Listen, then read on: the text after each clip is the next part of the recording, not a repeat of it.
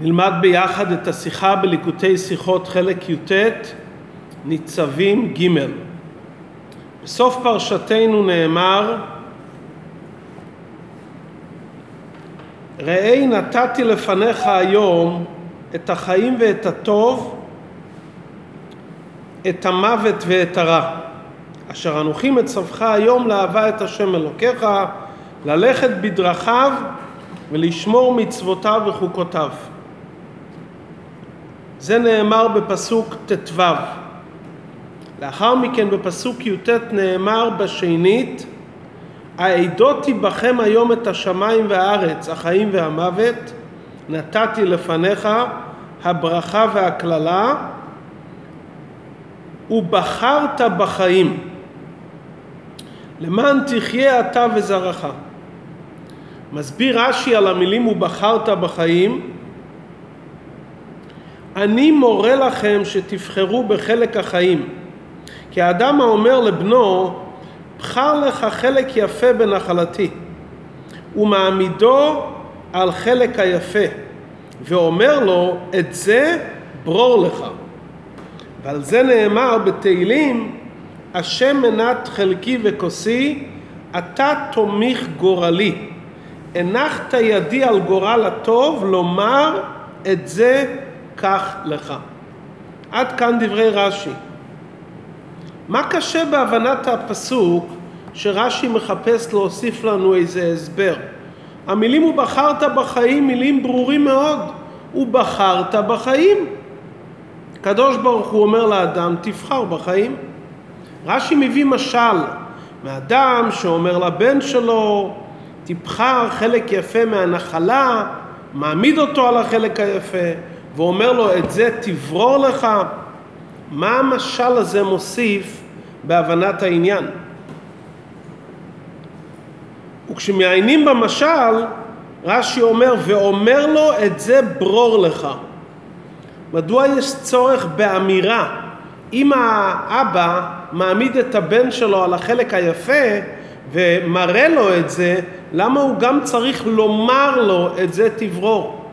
ואיפה מצינו בפסוק, כלומר בנמשל, שהקדוש ברוך הוא אומר לנו. ובסיום רש"י אומר, ועל זה נאמר, השם מנת חלקי. רש"י לא אומר כמו שנאמר, הוא אומר ועל זה נאמר. כלומר, הוא רוצה להסביר כאן פסוק בספר התהילים.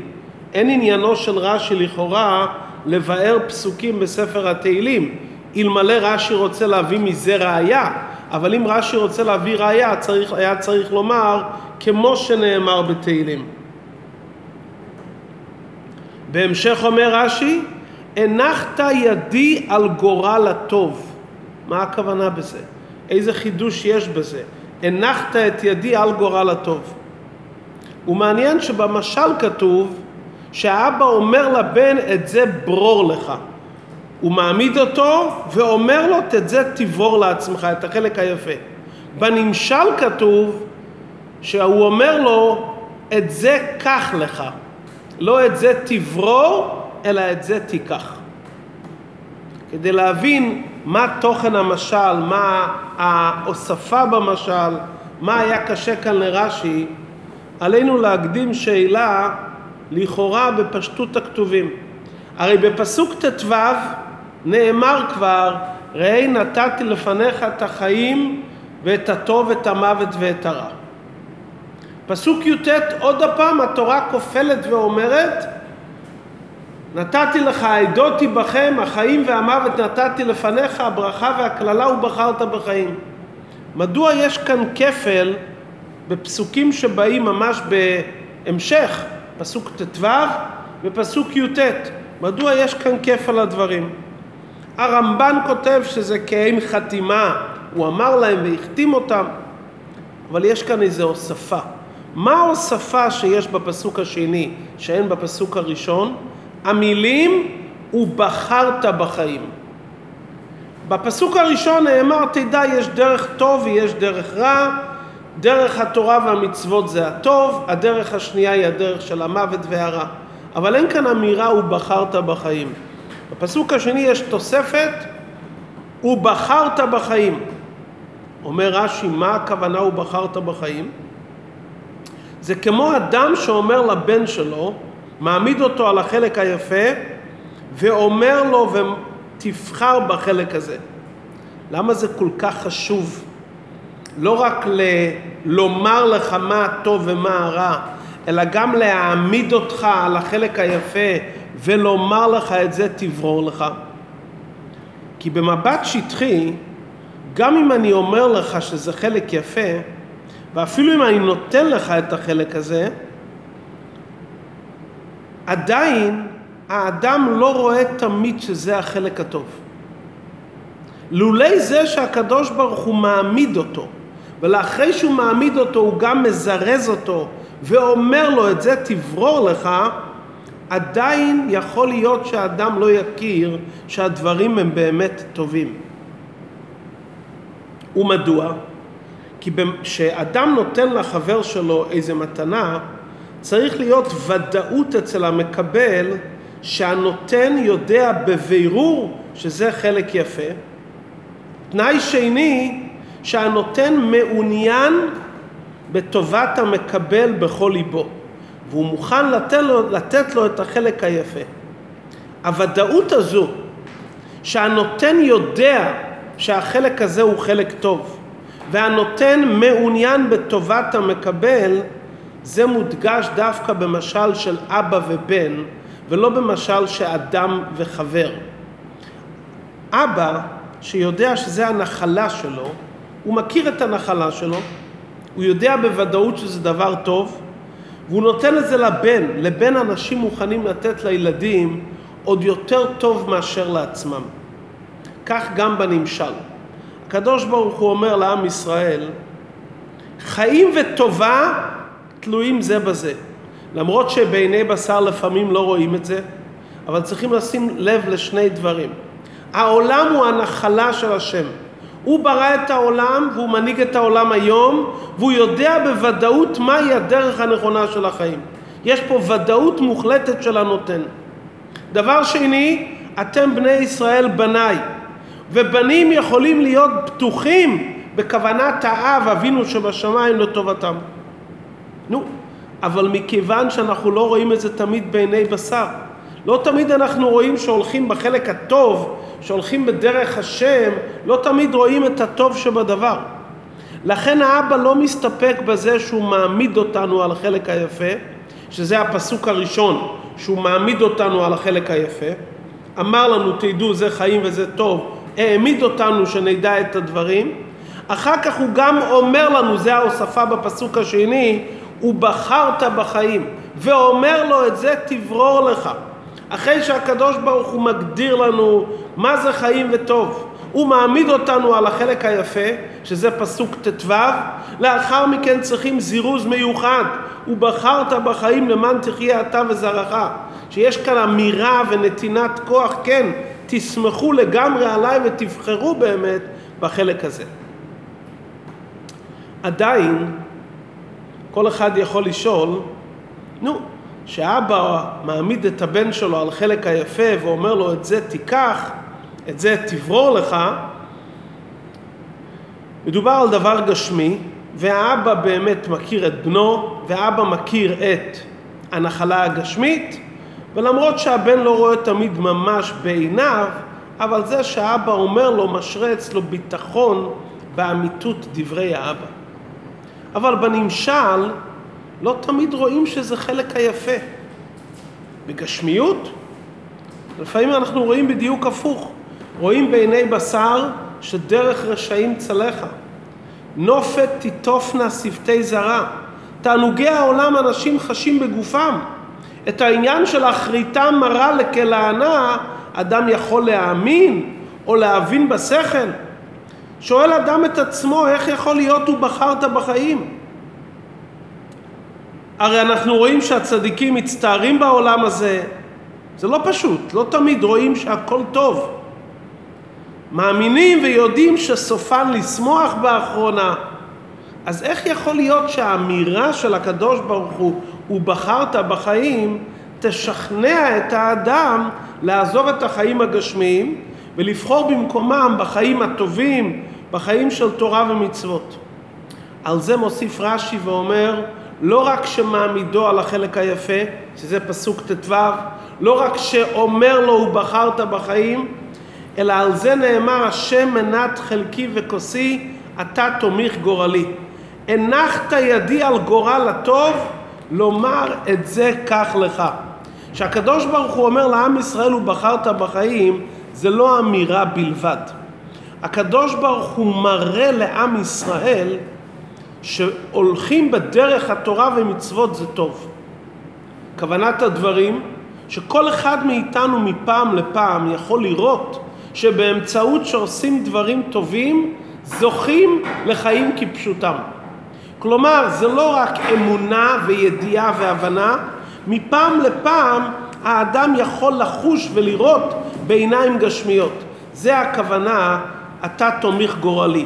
הקדוש ברוך הוא שם את היד שלנו על הגורל הטוב, הטוב ונותן לנו מפעם לפעם למשש בידיים, להרגיש איך שחיים אמיתיים זה לא חיים בשריים וגשמיים, אלא חיים של תורה ומצוות, ואיך שחיים על פי תורה ומצוות מביא טוב בעולם הזה הגשמי. זה הכוונה הנחת את ידי. מפעם לפעם הקדוש ברוך הוא נותן לנו לחוש את הדברים, להרגיש את הדברים, להרגיש שבאמת זה החלק הטוב. ולכן במשל כתוב שאבא אומר לבן, את זה ברור לך. בנמשל כתוב שהוא אומר לו, קח לך. מה ההבדל בין תברור לתיקח? כשאבא מזרז את הבן שלו ומעמיד אותו על החלק היפה, הוא רק ממריץ אותו בפה. מי בסוף צריך לעשות את הבחירה? הבן. בנמשל שהקדוש ברוך הוא אומר ליהודי ובחרת בחיים, זה באופן של הנחת ידי על גורל הטוב. הגורל הטוב נבחר בשביל עם ישראל. כל ענייני העולם הזה, זה הגורל של עם ישראל. כל הטוב של עולם הזה, זה קשור עם היהודי. כל הדרך של תורה ומצוות נבחר ונהיה חלק מעם ישראל. מה נשאר לך רק לקחת? כלומר, זה לא שאתה תברור מה כן ומה לא, בעצם זה שלך. לכן רש"י אומר, הנחת את ידי לומר לך, קח לך. כלומר, אני כבר החלטתי, קבעתי, קבעתי בנפשותיכם שהדרך של תורה ומצוות והטוב של עולם הזה, זה שלכם. מה נשאר לכם? רק לקחת את זה. כי כבר נתתי לכם את זה, זה שלכם.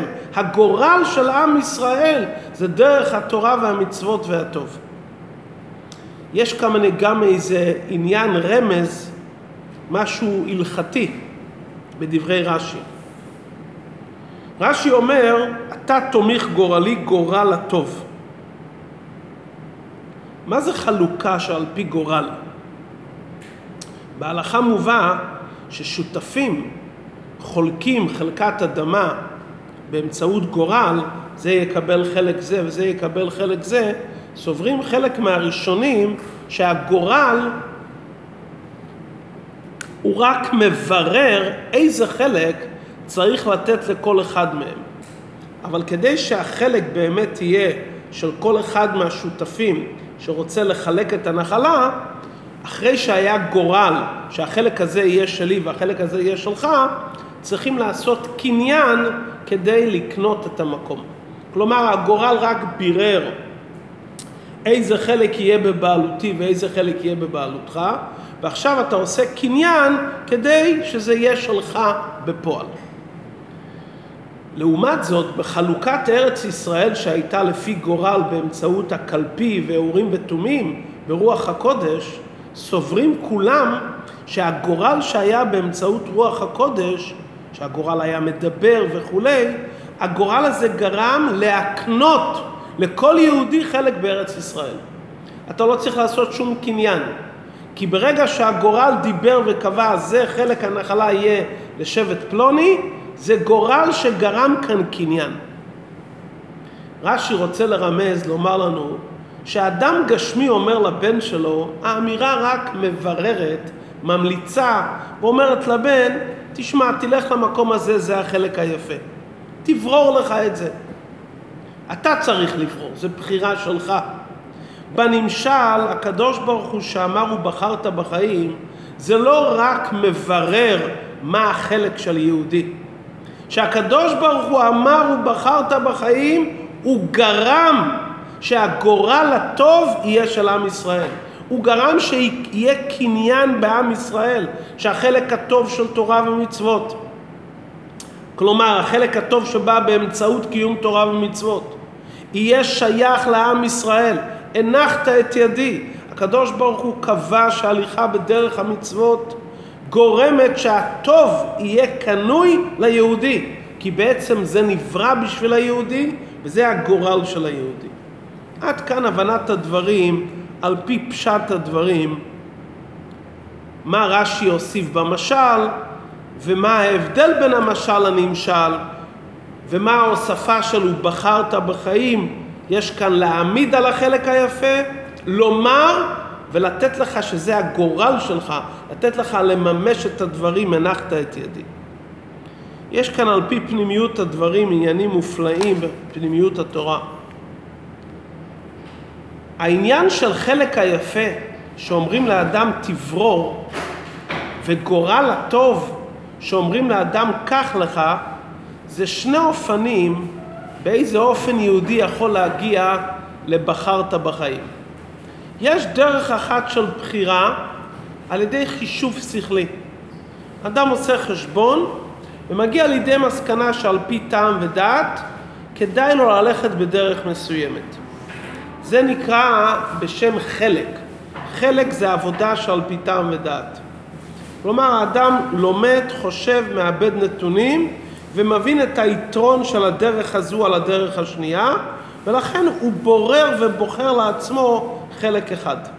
זה אופן אחד של בחירה. זה בחירה שהיא על פי שכל. יש דרך שנייה של בחירה, שאדם בוחר בטוב בבחירה של למעלה מטעם ודעת, ללא חישוב שכלי. כאן החיים נקראים בשם גורל הטוב, כמו שגורל זה לא עניין שכלי, גורל זה למעלה מבחינת טעם ודעת. ככה לכל יהודי מצד הנשמה יש לו בחירה בקדוש ברוך הוא למעלה מטעם ודעת.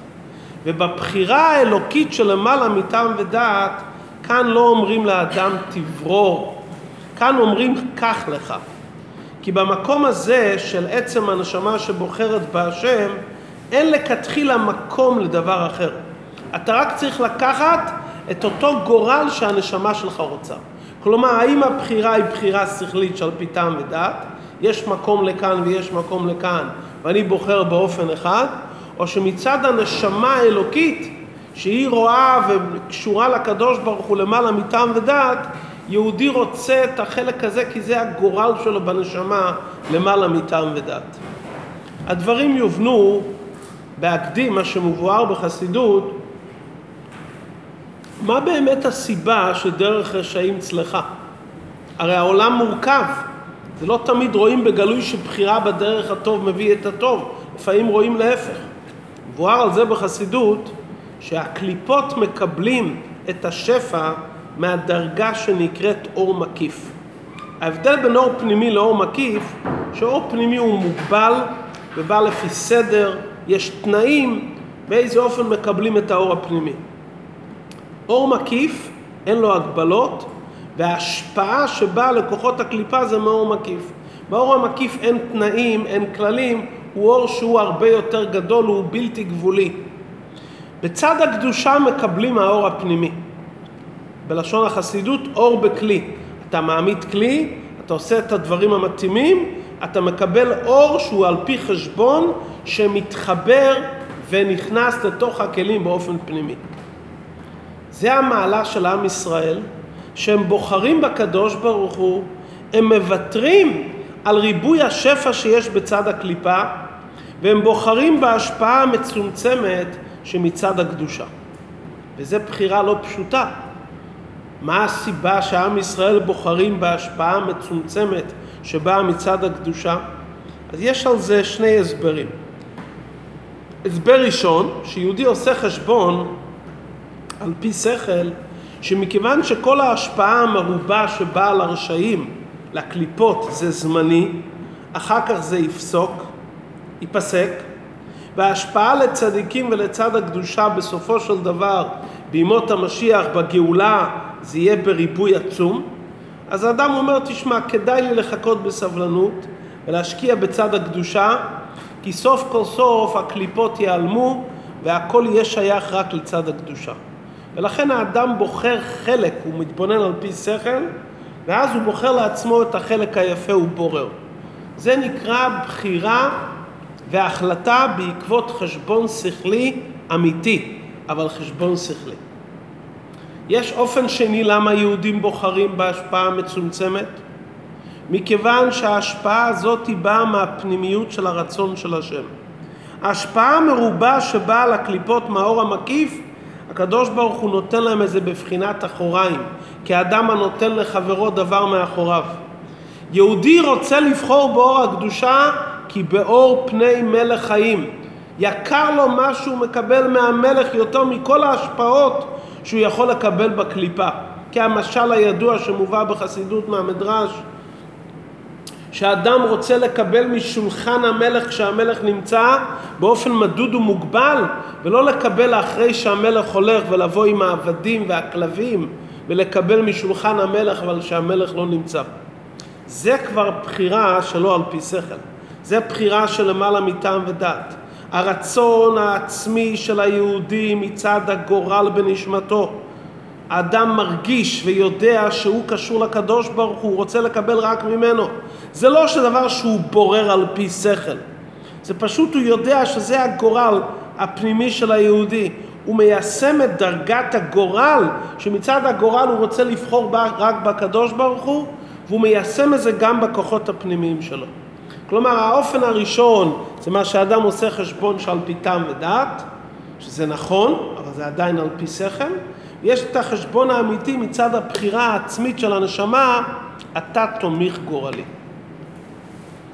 הפסוק מדבר כאן על בחירה, שיש חיים ומוות טוב ורע, ואומרים לאדם הוא בחרת בחיים. כלומר, שיש כאן ברירה, בחירה בין דבר אחד לדבר שני, הדבר לא מוחלט, האדם עושה חשבון מה כן ומה לא, ולפי זה הוא מחליט לבחור בדבר מסוים. זאת אומרת, הקדוש ברוך הוא אומר לאדם, תעשה חשבון. אבל האמת היא שהבחירה של היהודי בחלק הטוב זה לא רק מצד טעם ודת, בעצם זה מגיע מצד עצם הנשמה. כי השורש של הבחירה של יהודי באלוקות זה בגלל שעצם הנשמה מאוחדת באלוקות. יהודי הוא חד עם הקדוש ברוך הוא. וזה שהוא בוחר בבחירה חופשית, הכוונה לומר, הוא חופשי משכל, הוא חופשי מכל נימוק. עצם הנשמה לא יכולה לבחור בדבר אחר. אם הבחירה וההתקשרות של יהודי עם השם קשורה עם סיבה, עם נימוק שכלי, זה מוגבל לפי השכל. ובמילא שהשכל יזוז לכאן או לכאן, הבחירה תהיה מוגבלת והיא לא תהיה עצמית ומוחלטת. אבל ברגע שהבחירה באה מצד עצם הנשמה, שהיא מאוחד, מאוחדת עם הקדוש ברוך הוא, עם עצמות אינסוף, שמה זה בחירה חופשית אמיתית. זה לא בגלל סיבה שכלית, זה לא בגלל שהסיבה מכריחה אותי, זה מכיוון שהעצם הנשמה מצד עצמה היא נמשכת לאלוקות וזה שולל כל דבר אחר. כי היא בעצם חד עם אלוקות. עצם הנשמה לא צריכה על פי שכל. היא מרגישה באופן טבעי שזה המקום שלה. זה שורש הבחירה. גילוי הבחירה כאן בעולם הזה עובר דרך המודעות, דרך השכל של האדם. כי הקדוש ברוך הוא רצה שזה שמאיר לנו מעצם הנשמה, אתה תומך גורלי, שזה יבוא גם לעולם של המודעות, בעולם שיש בחירה חופשית, בעולם שניכר ונראה שיש שתי דרכים, לא איך שזה בעצם הנשמה ששם רואים רק מציאות אחת, אלא בעולם שרואים שיש חיים ומוות, וכאן את אותו בחירה חופשית מכל נימוק שיש בעצם הנשמה, שזה יבוא ויתלבש גם בשכל של האדם. ואז הקדוש ברוך הוא אומר לאדם, החיים והטוב נתתי לך, ובחרת בחיים. ברור לך, כאן אתה תברור. רש"י מדבר ביינה של תורה, אז רש"י אומר תדע. נכון שהתורה מדברת על החלק הגלוי, כי התורה ניתנה לנשמות בגופים שחושבים ורואים במודעות, ואז הם רואים צד ימין וצד שמאל, חיים וטוב, מוות ורע. אומר רש"י, תדע, אבל בזה שיהודי בוחר במודעות, זה מגיע ממקום עמוק יותר.